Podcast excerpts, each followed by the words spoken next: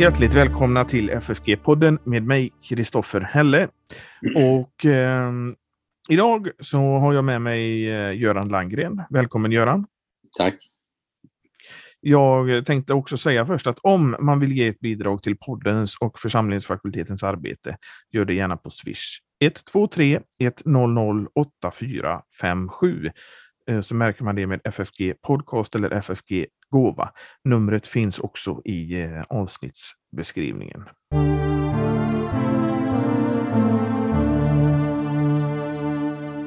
Ja, välkommen tillbaka till eh, podden Göran. Ja, tack så mycket. Vi, eh, vi tänkte prata lite om Bibeln som Guds ord idag. Ja. Vad, ska vi börja med att ställa en väldigt bred fråga till dig? Vad har du för relation med Bibeln? Ja, Bibeln är ju den bärande punkten i min kristna tro.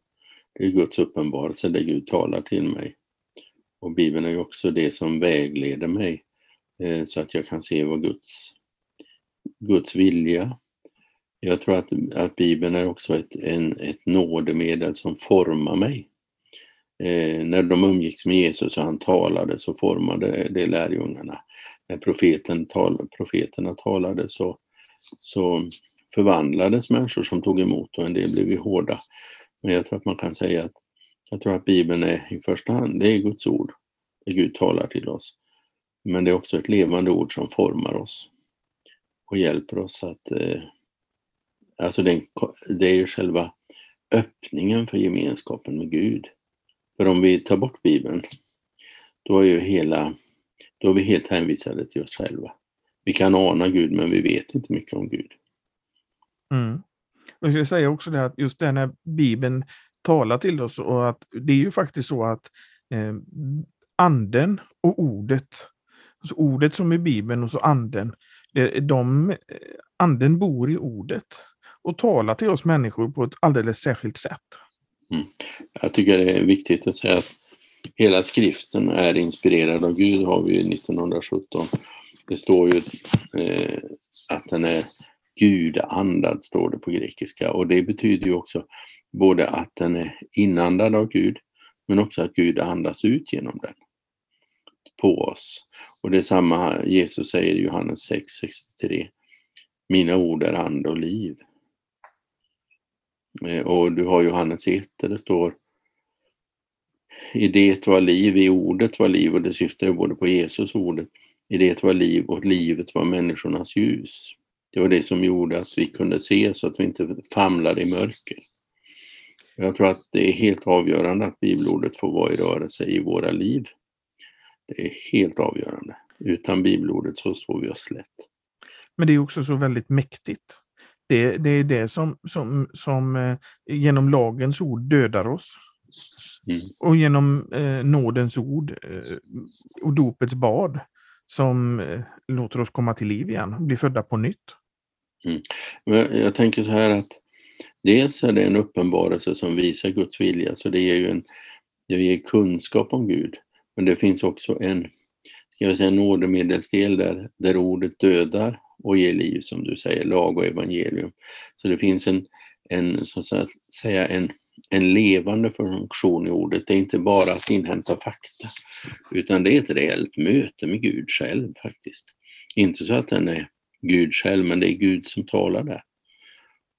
Så att den är, den är helt avgörande för, för en kristen människa. Och det brukar man ju säga också när människan kommer till tro.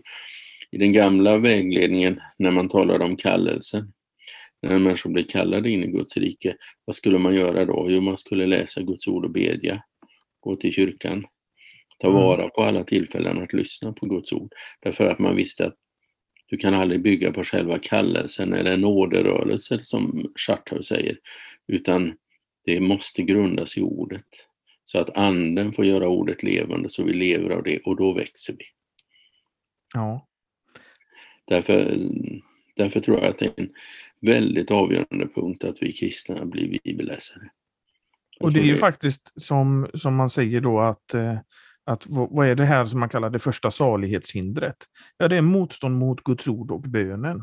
Ja, eh, och, och, det finns ett naturligt motstånd. Ja, det kan man ju känna när, när man går upp på morgonen, vill jag sätta mig och läsa Bibeln?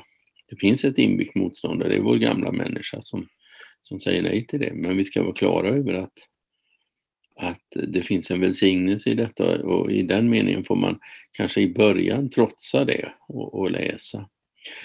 Eh, men jag tror också att man, man ska vara realistisk när en människa kommer till tro att man när man börjar läsa Bibeln att man ska inte göra en så stor portion som man inte orkar.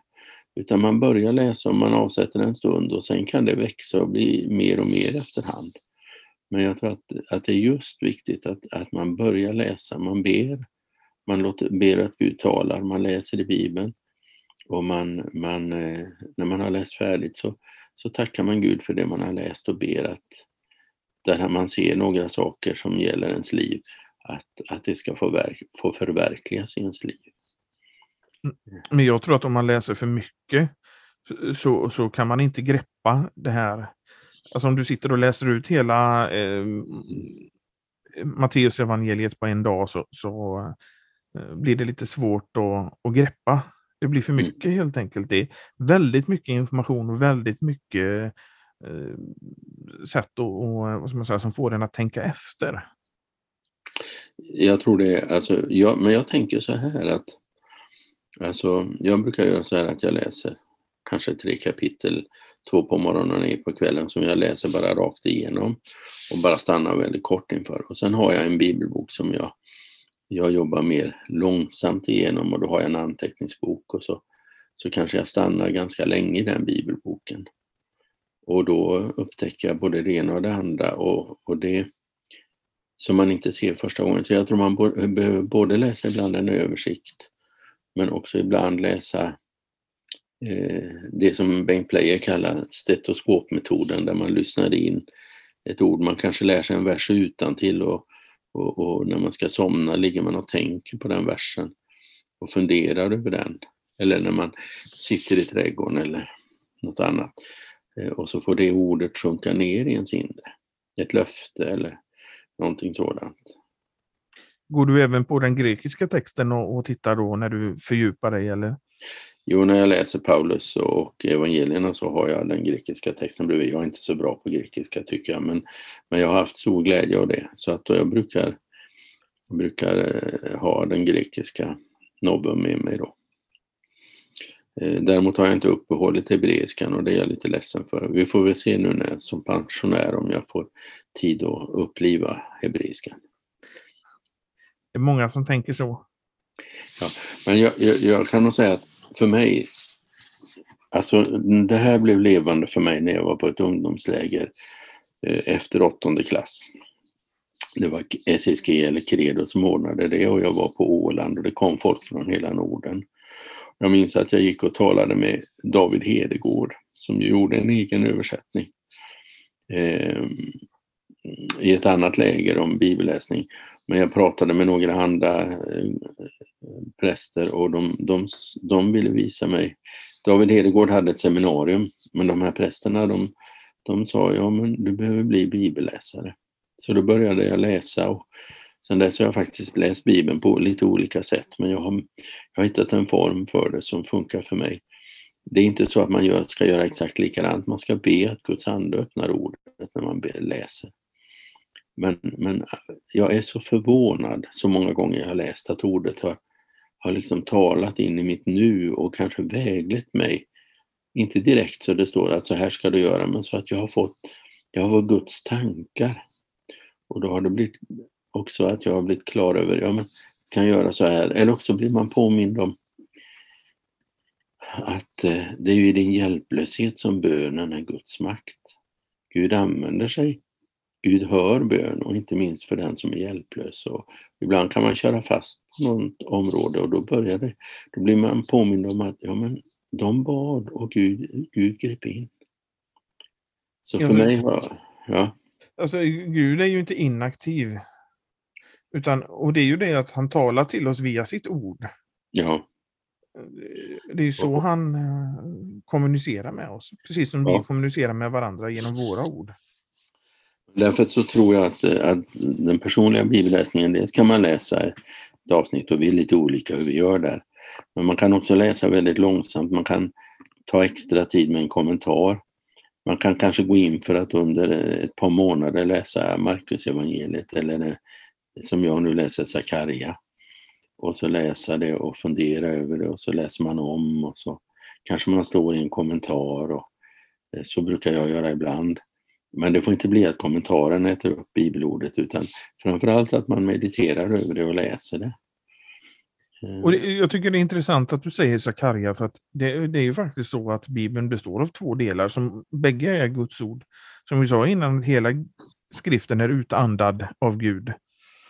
Och eh, det gamla testamentet är också Guds ord. Jag kan nog säga att en del som kanske har varit jag, jag, jag, vet inte hur mycket, hur många gånger jag har läst Bibeln, men jag tar mig igenom, jag har en anteckningsbok då och läser och så. Men jag kan säga att, ja, nu läste jag i, i våras läste jag Jesaja. Och man blir ju helt tagen när man läser en sån bok. Och sen tycker jag att tolvprofetboken, Hosea, Joel, Amos och så vidare, att det är fantastiska böcker. Och ibland kan man då ha hjälp av att ha en liten kommentar som talar om vilken bakgrund det var, i vilken situation de var när de talade. Eh, och det kan ju gälla de här böckerna. Mm. Man kan ju bara ha en liten lätt uppslagsbok och då kan man ju rekommendera, du nämnde David Hedegård. Mm. Biblisk uppslagsbok av eh, David Hedegård och Sari Salo. Ja, det finns jättemycket bra. Det kan jag säga, det är, det är en liten skatt. Och jag tycker, nu, nu läser jag väldigt mycket engelsk litteratur och det gör kanske inte den så många, äh, många kan liksom tveka lite inför det.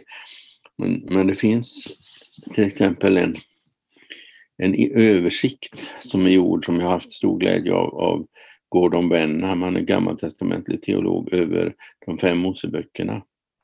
Eh, och då, då kan man man kan läsa och sen slår man upp och så berättar han lite om olika bakgrundssituationer och bakgrundsförhållanden. Eh, Sådana böcker kan vara väldigt hjälpsamma. Och sen har ni ju, finns ju en översikt över bibelböckerna som Ivan Hellström skrev, den, den finns kanske inte längre, men förstår du vad du läser? Det går han ju igenom hur varje bok är uppbyggd och innehåll och sammanfattar det. Det kan vara en väldig hjälp när man ska läsa en bibelbok. Sen ska vi också vara noga med att det finns böcker som man kanske inte ska eh, använda sig av. Ja, Nej, men man ska ta böcker som hjälper en in i skriften och som tror att, att Gud talar i skriften. Eh, som inte eh, dissekerar sönder bibelordet. Eh, och jag tror också att man behöver aldrig vara rädd när man läser Bibeln. Man kanske kommer på frågor, man funderar över... Ja, jag brukar göra så att då skriver jag ner dem. Och ibland så, så märker jag när jag skrivit ner dem så ja, det kan vara så och det kan vara så och det kan vara så. Då får jag hjälp att spalta upp det och då kan jag ibland känna att, att eh, frågan är början på svaret. Mm. Om jag uttrycker det så. Så jag tror att man ska läsa Bibeln väldigt ärligt. Men om man läser om man läser och låter texterna tala så kommer man också upptäcka att, att det är så mycket Jesus sätt att agera till exempel i evangelierna är så överraskande och så oerhört befriande. Ehm, vi läser just nu i det jag vi vikarierar nu som präst så läser vi Markus evangeliet. Och vi läser inte så mycket per gång och så jag har en liten genomgång och sen sitter man i grupper och samtalar. Men det är så roligt att läsa Bibeln. Alltså det är fantastiskt roligt.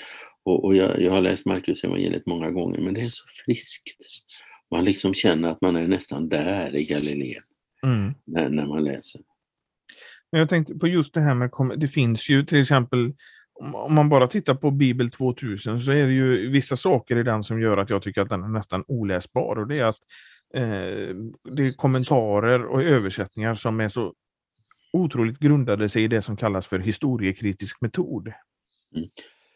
Och ja, Bibeln ska man ju läsa i frälsningssyfte och inte hitta fel eller få förklarat för sig eh, massa nej. olika teorier.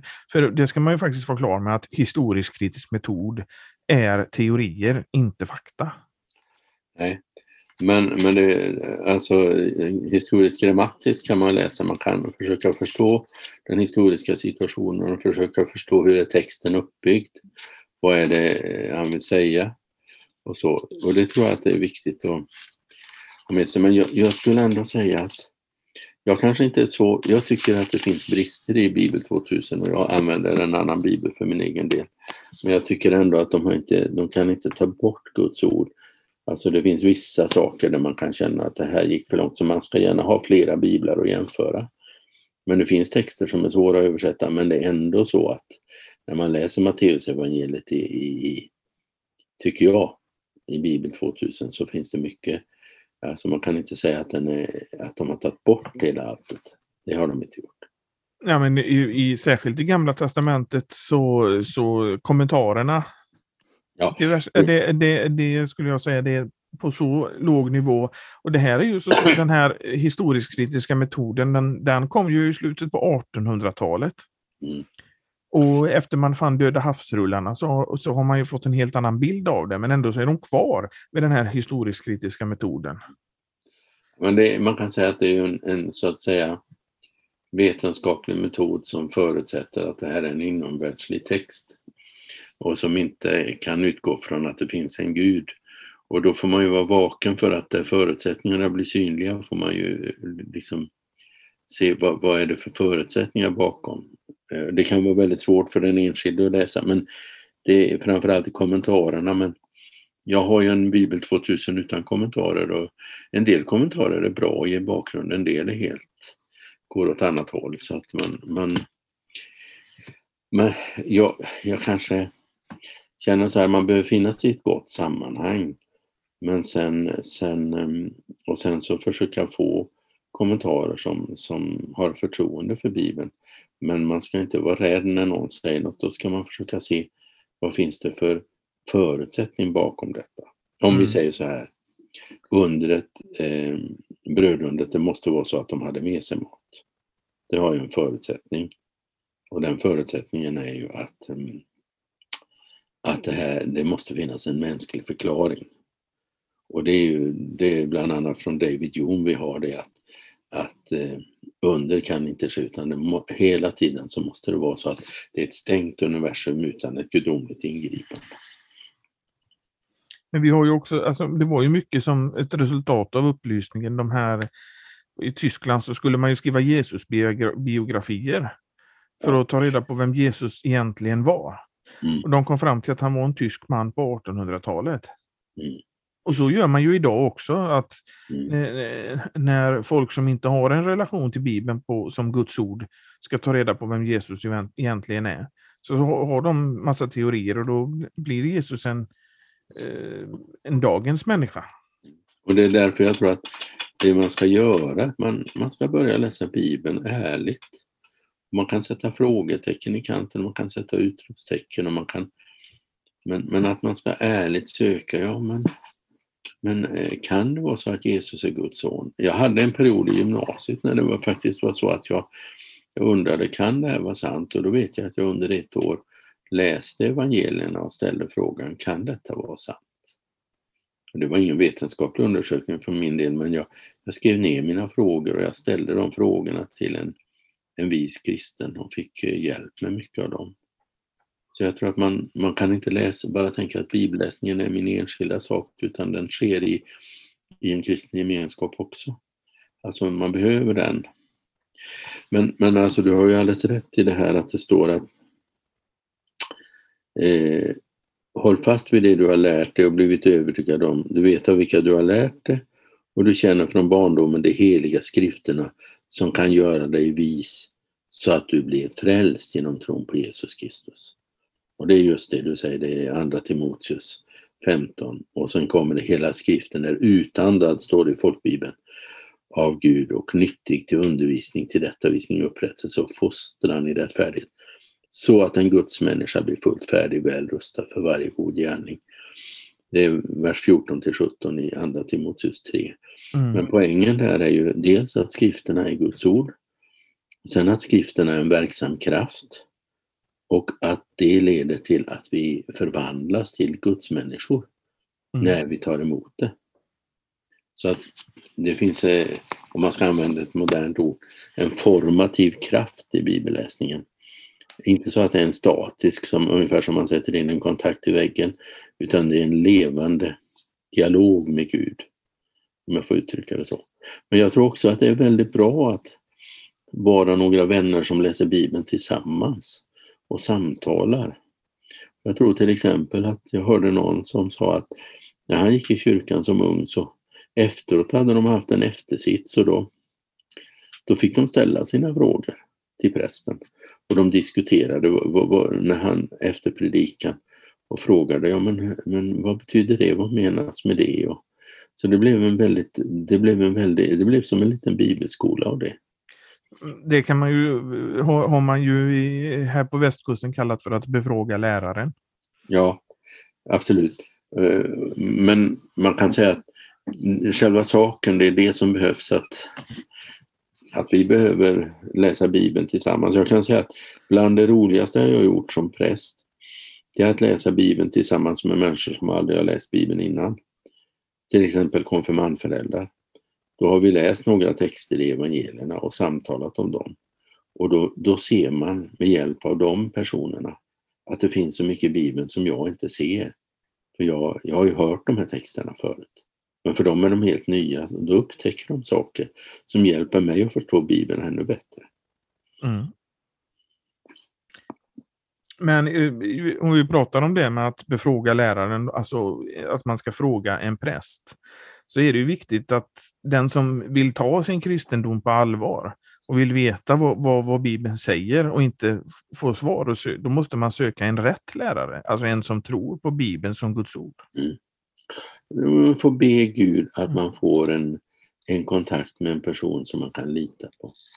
Jag skulle ändå säga det, men, men jag tror att man ska för egen del bli bibelläsare, man ska skriva ner om man undrar över saker. Men det kan också vara en kristen vän till att börja med som man pratar en hel del med och sen kan man gå också till en präst och fråga. Men det är inte alltid man har möjlighet att fråga en präst men man kanske är två stycken arbetskamrater eller studiekamrater och, och det här läste jag i Bibeln, vad, vad, tänker du om det? Man kan samtala om så, men sen kan man också gå till en präst och fråga. Och prästen, har ju, prästen har ju fått avsatt tid för att han ska kunna, kunna hjälpa oss till växt och tro. Mm. Tro och växt är väl en rätt ordning. Ja. Mm. Sen är det ju viktigt att det står i Romarbrevet 10.17 att predikan kommer i kraft av av eh, Kristi ord. Ja, tron kommer av predikan och predikan är kraft av Kristi ord, Romarbrevet 10.17. Och då, det kan ju också översättas... Eh, eh, ja, ord är hörda. Ja, och, och tron kommer av predikan och av och predikan, predikan och, kommer ut av Guds ord, Kristi ord. Ja, ordet, Kristi ord är det som står det. Och ordet om Kristus, eller Kristi ord. Ja. Så att ur det växer, växer den här tron fram. Och jag tror att, men jag tror att det är viktigt med det här att när man har läst att man eh, och också hört en predikan att, att få, få reflektera över vad är det jag har hört? Eh, förstår jag detta och så? Och att man kanske samråder med någon. Man kan gärna, jag tror ibland att det är bra att man finns kanske i en bibelstudiegrupp eller något sånt som man läser Bibeln tillsammans. Det kan ha väldigt betydelse tror jag. Men Bibeln är en andlig text, så det är också viktigt att när man, om man samlas utan en lärare, att, eh, att man inte försöker ge sig på det med förnuftet utan med hjärtat. Mm. Men jag tycker ändå att man kan, man, kan, alltså man kan läsa Bibeln som en vanlig text, om du förstår mig rätt, för att förstå vad är det det står rent faktiskt. Men man ska veta att det inte är en vanlig text, utan Gud andas i detta ord. Mm. Men alltså, det, när man läser Bibeln så menar jag att man, man kan vara ärlig. Ja, men hur menar Paulus här? Hur ska man förstå detta? Varför gör Jesus så? Verkar inte Jesus hård där? Det var väldigt vad Jesus, att han hörde direkt där. Det har jag aldrig tänkt på innan. Alltså att man hela tiden gör iakttagelser så. Eh, det tror jag berikar bibelläsningen. Sen behöver man, jag tror att bibelstudier, att, att, att församlingarna tillhandahåller det är jätteviktigt. Men det är också viktigt att det den som leder bibelstudierna tror på Bibeln som ja, Guds ord. Ja, ja, absolut. Det, det, det, måste vi vara ärliga med, Göran, att, ja. att inte alla som kallar sig präster tror att Nej. Bibeln är Guds ord. Jag tror ofta att man känner att den här, det här är en person som jag kan ha andligt förtroende för. Sen får man ju pröva det man hör hos en präst utifrån Guds ord.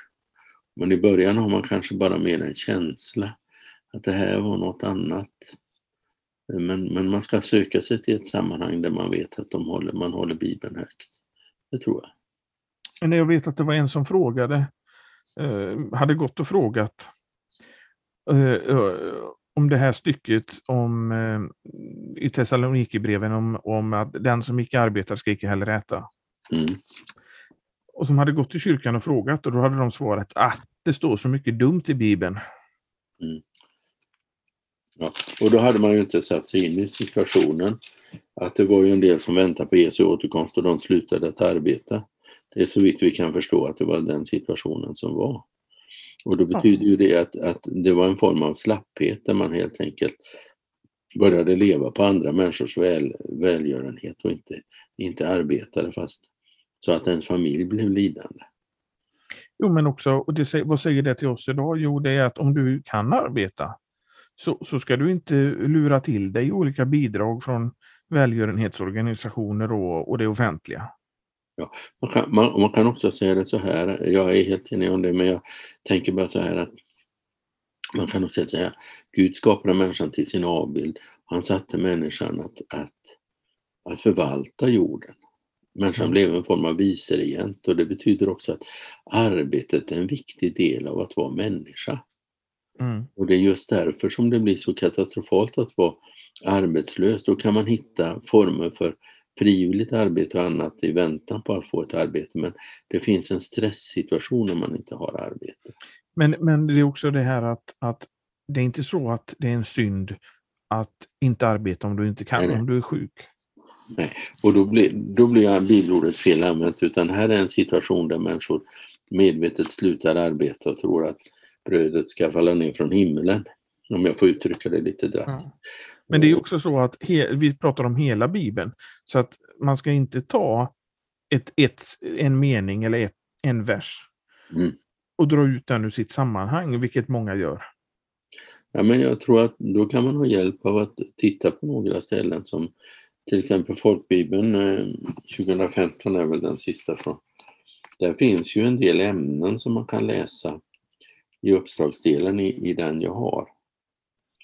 Och, och, och där finns inte arbete med ser jag, men det finns ändå en del man kan, man kan titta på.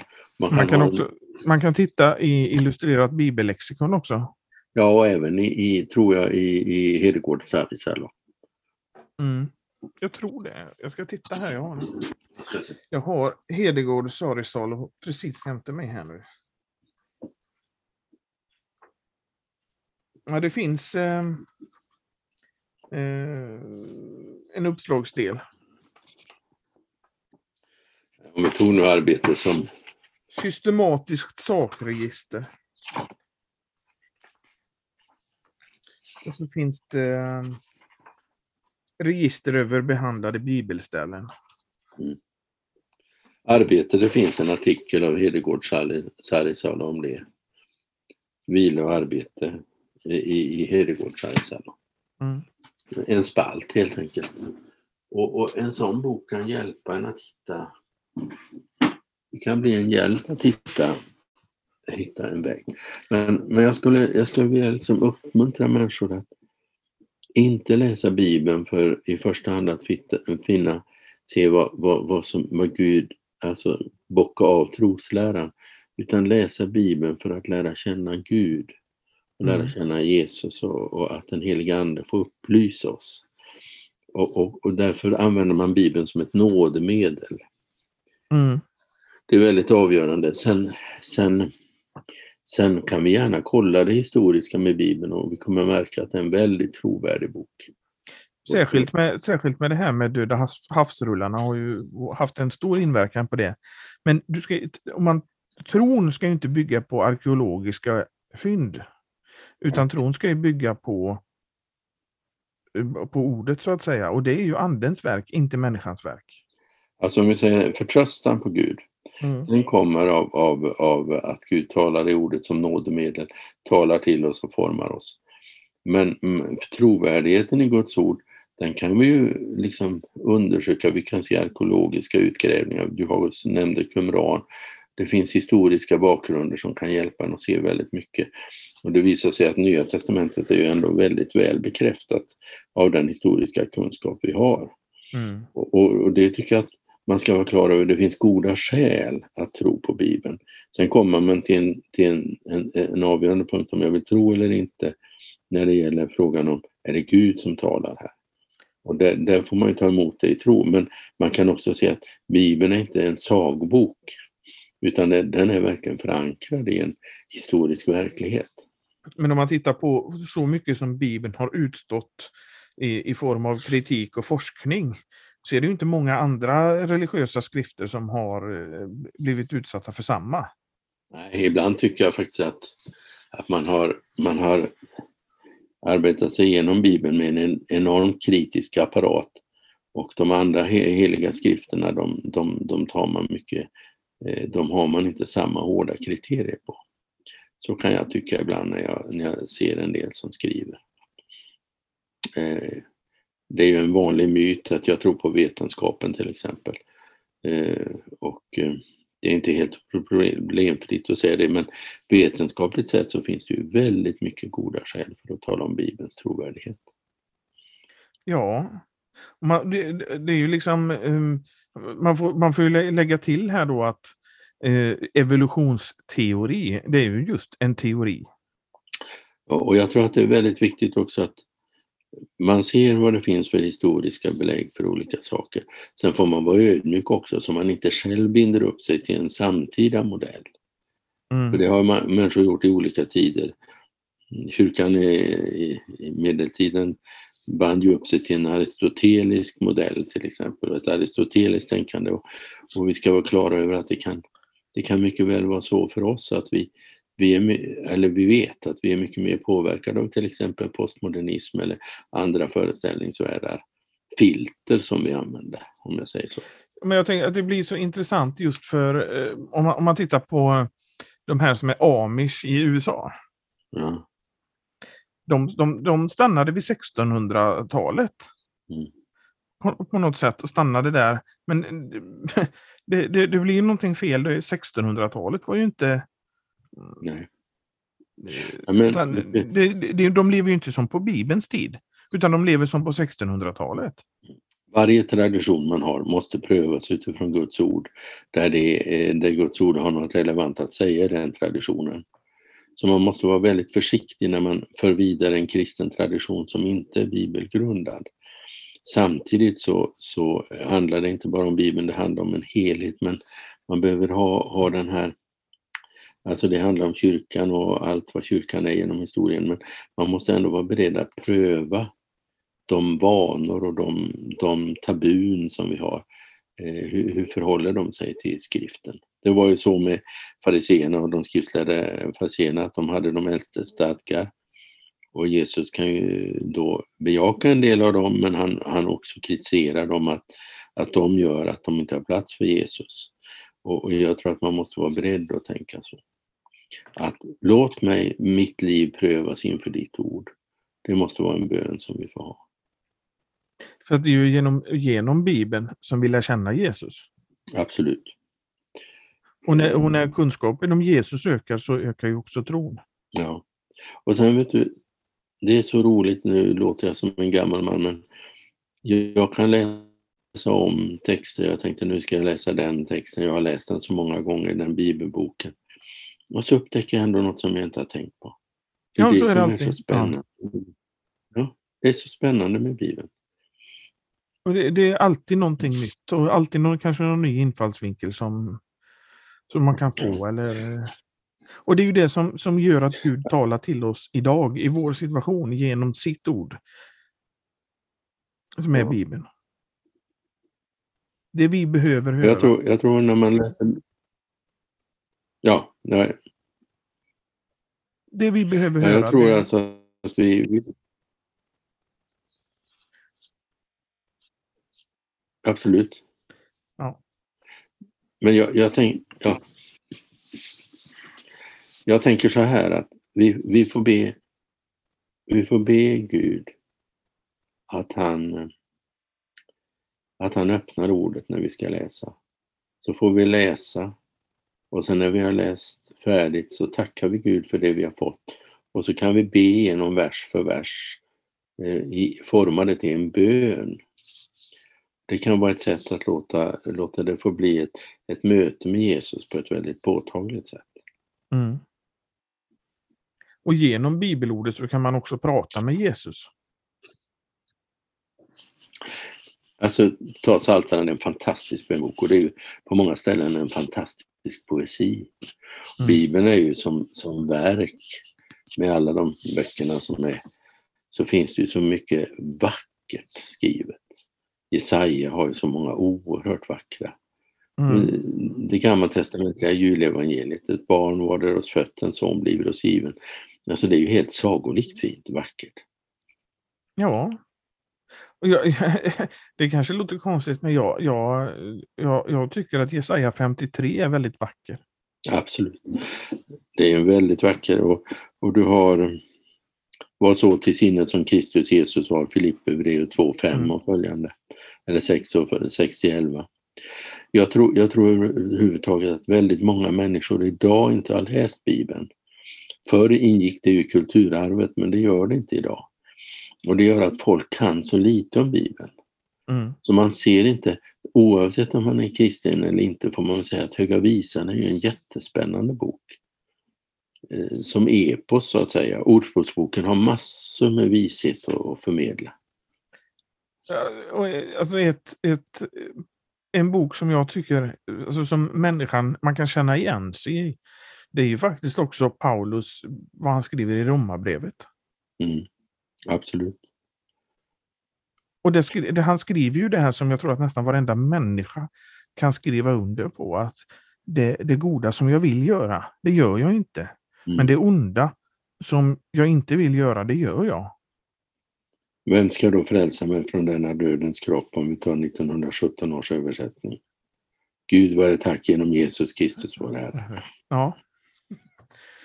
Och, och, och, och, jag tror att just de här, att folk inte ens läser det. Att folk som kanske inte ens, folk som går i kyrkan, de läser inte ens det här. Jag tror att och jag tror att därför ska vi uppmuntra folk att läsa Bibeln och läsa Bibeln i frälsningsavsikt. Eh, vi, ska, vi ska själva leva i ordet och vi ska försöka bistå människor.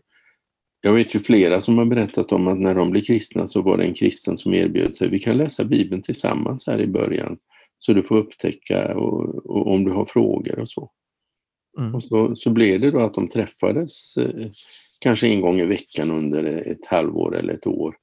Och då blir det en hjälp för den här personen att växa i tro. För skulle man ha präster till alla de som kommer till tro så är inte det möjligt. Men har man en vis kristen som finns bredvid och sen behöver man ju komma till, till gudstjänst och höra predikan och allting.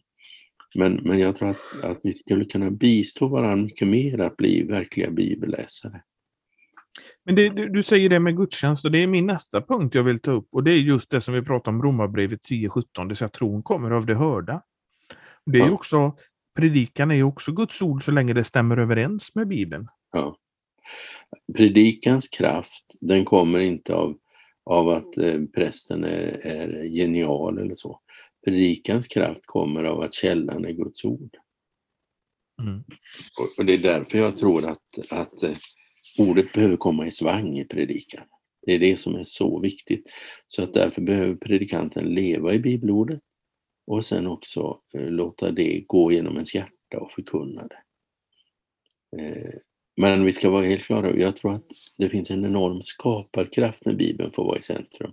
När, när vi har, den som ska utlägga det, har jobbat med Bibeln.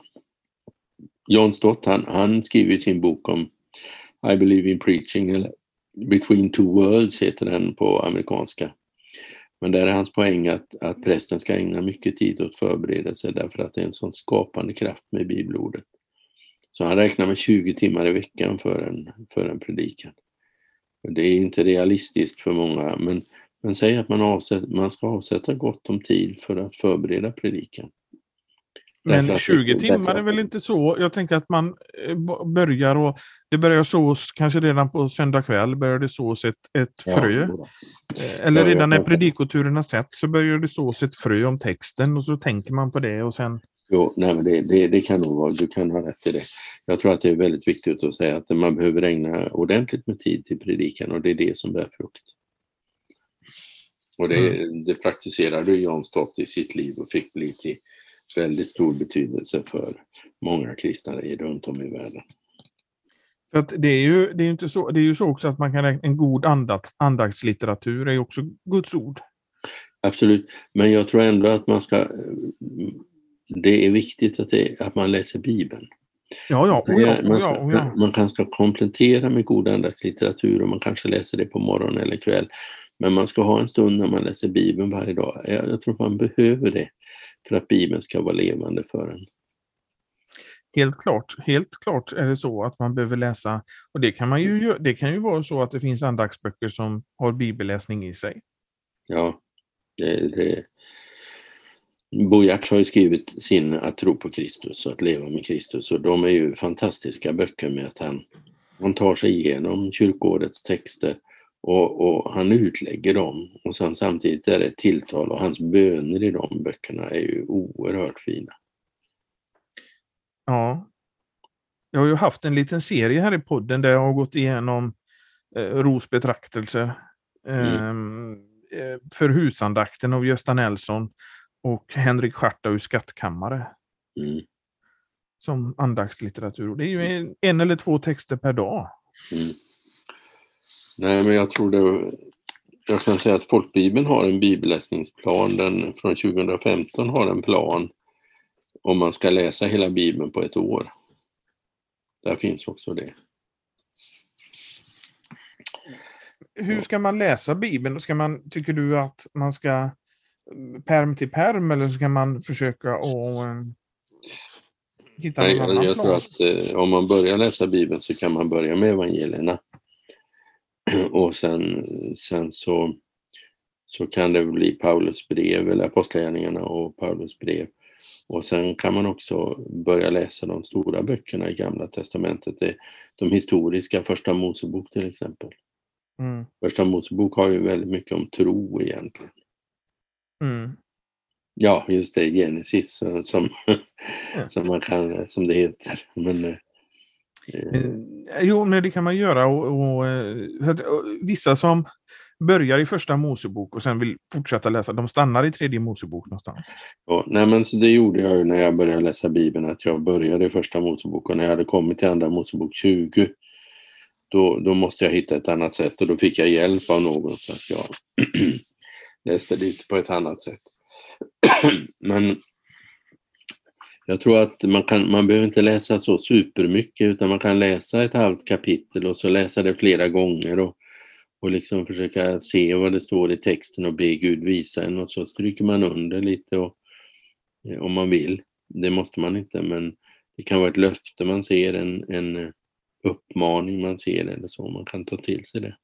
Men så kan man ju också göra om, man, om det är något intressant man hör i, i bibeltexten i kyrkan. Så kan man ju gå upp och slå upp hela det kapitlet och läsa det när man kommer Mm. hem. Jag tror att om, om det fungerar väl med predikan så inspirerar det oss att läsa vidare i Bibeln. Mm. Mm. Ja, det gör det helt klart. Jag tänkte vi skulle avsluta med att prata lite om lilla Bibeln och hur kärnfullt det är. Mm. Eh, och det är ju en, en fantastisk text, Johannes 3.16. Mm. Och eh, jag tycker i det sammanhanget så är det så spännande att den, den eh, händelse som Jesus har som bakgrund är ju kopparormen. Mm. Israel, i fjärde Mosebok 21. Israels barn hade syndat. Och då sände Gud giftiga ormar in i lägret. Och då var det så att de som blev bitna av ormarna, då blev Mose förtvivlad och gick till, till Gud och bad honom att han skulle ta bort ormarna. Men det gjorde ju inte Gud utan han, han bad honom göra en kopparorm och sätta upp den på en stång. Och alla som blev bitna av ormarna skulle bara se på den kopparormen så blev de helade. Och Jesus säger ju där i Johannes 3 att som Mose upphöjde ormen i öknen, öknen så måste människosonen upphöjas.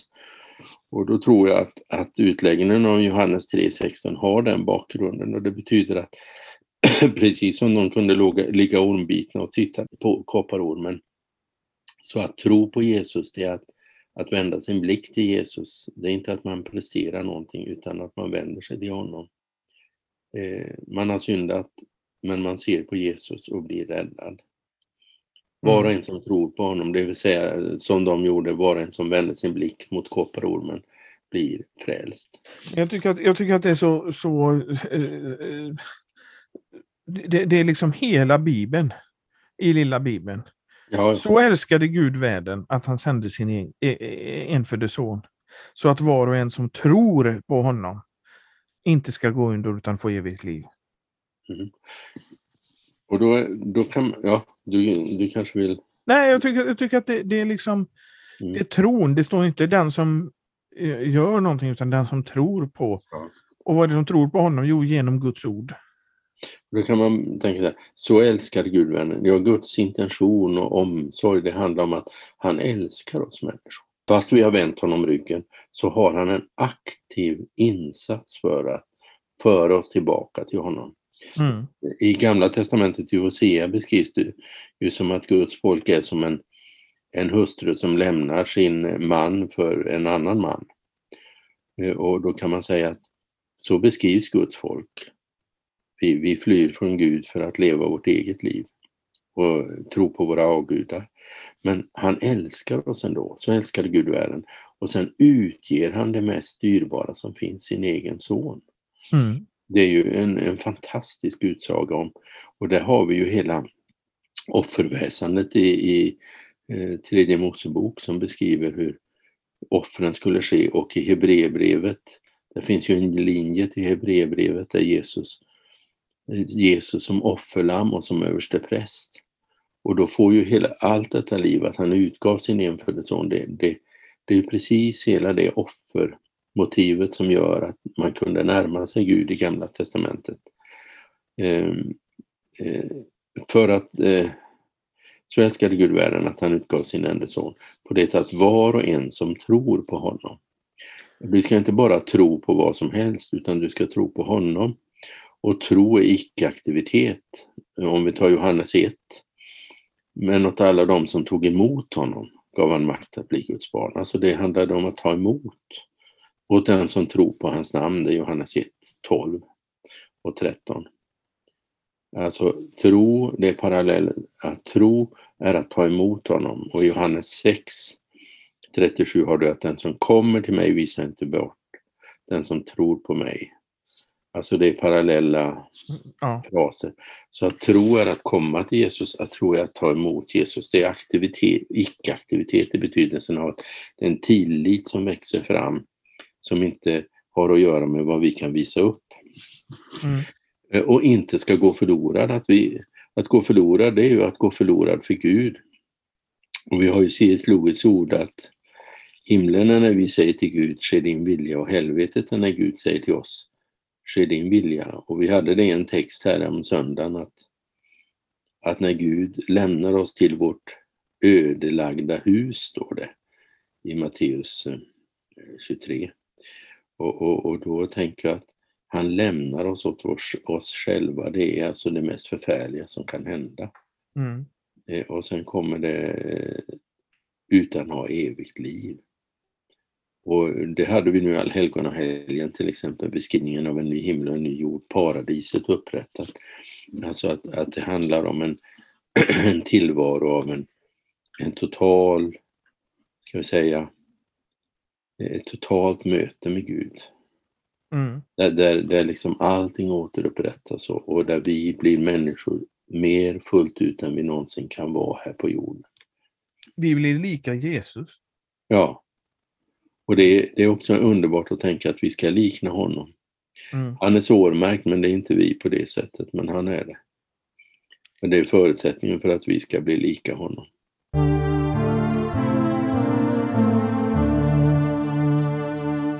Ska vi avsluta där Göran? Ja, absolut. Eh, jag hoppas att det, att det samtalet var något som vi kunde ta med oss. Det hoppas jag med. Det tror Ja. jag definitivt.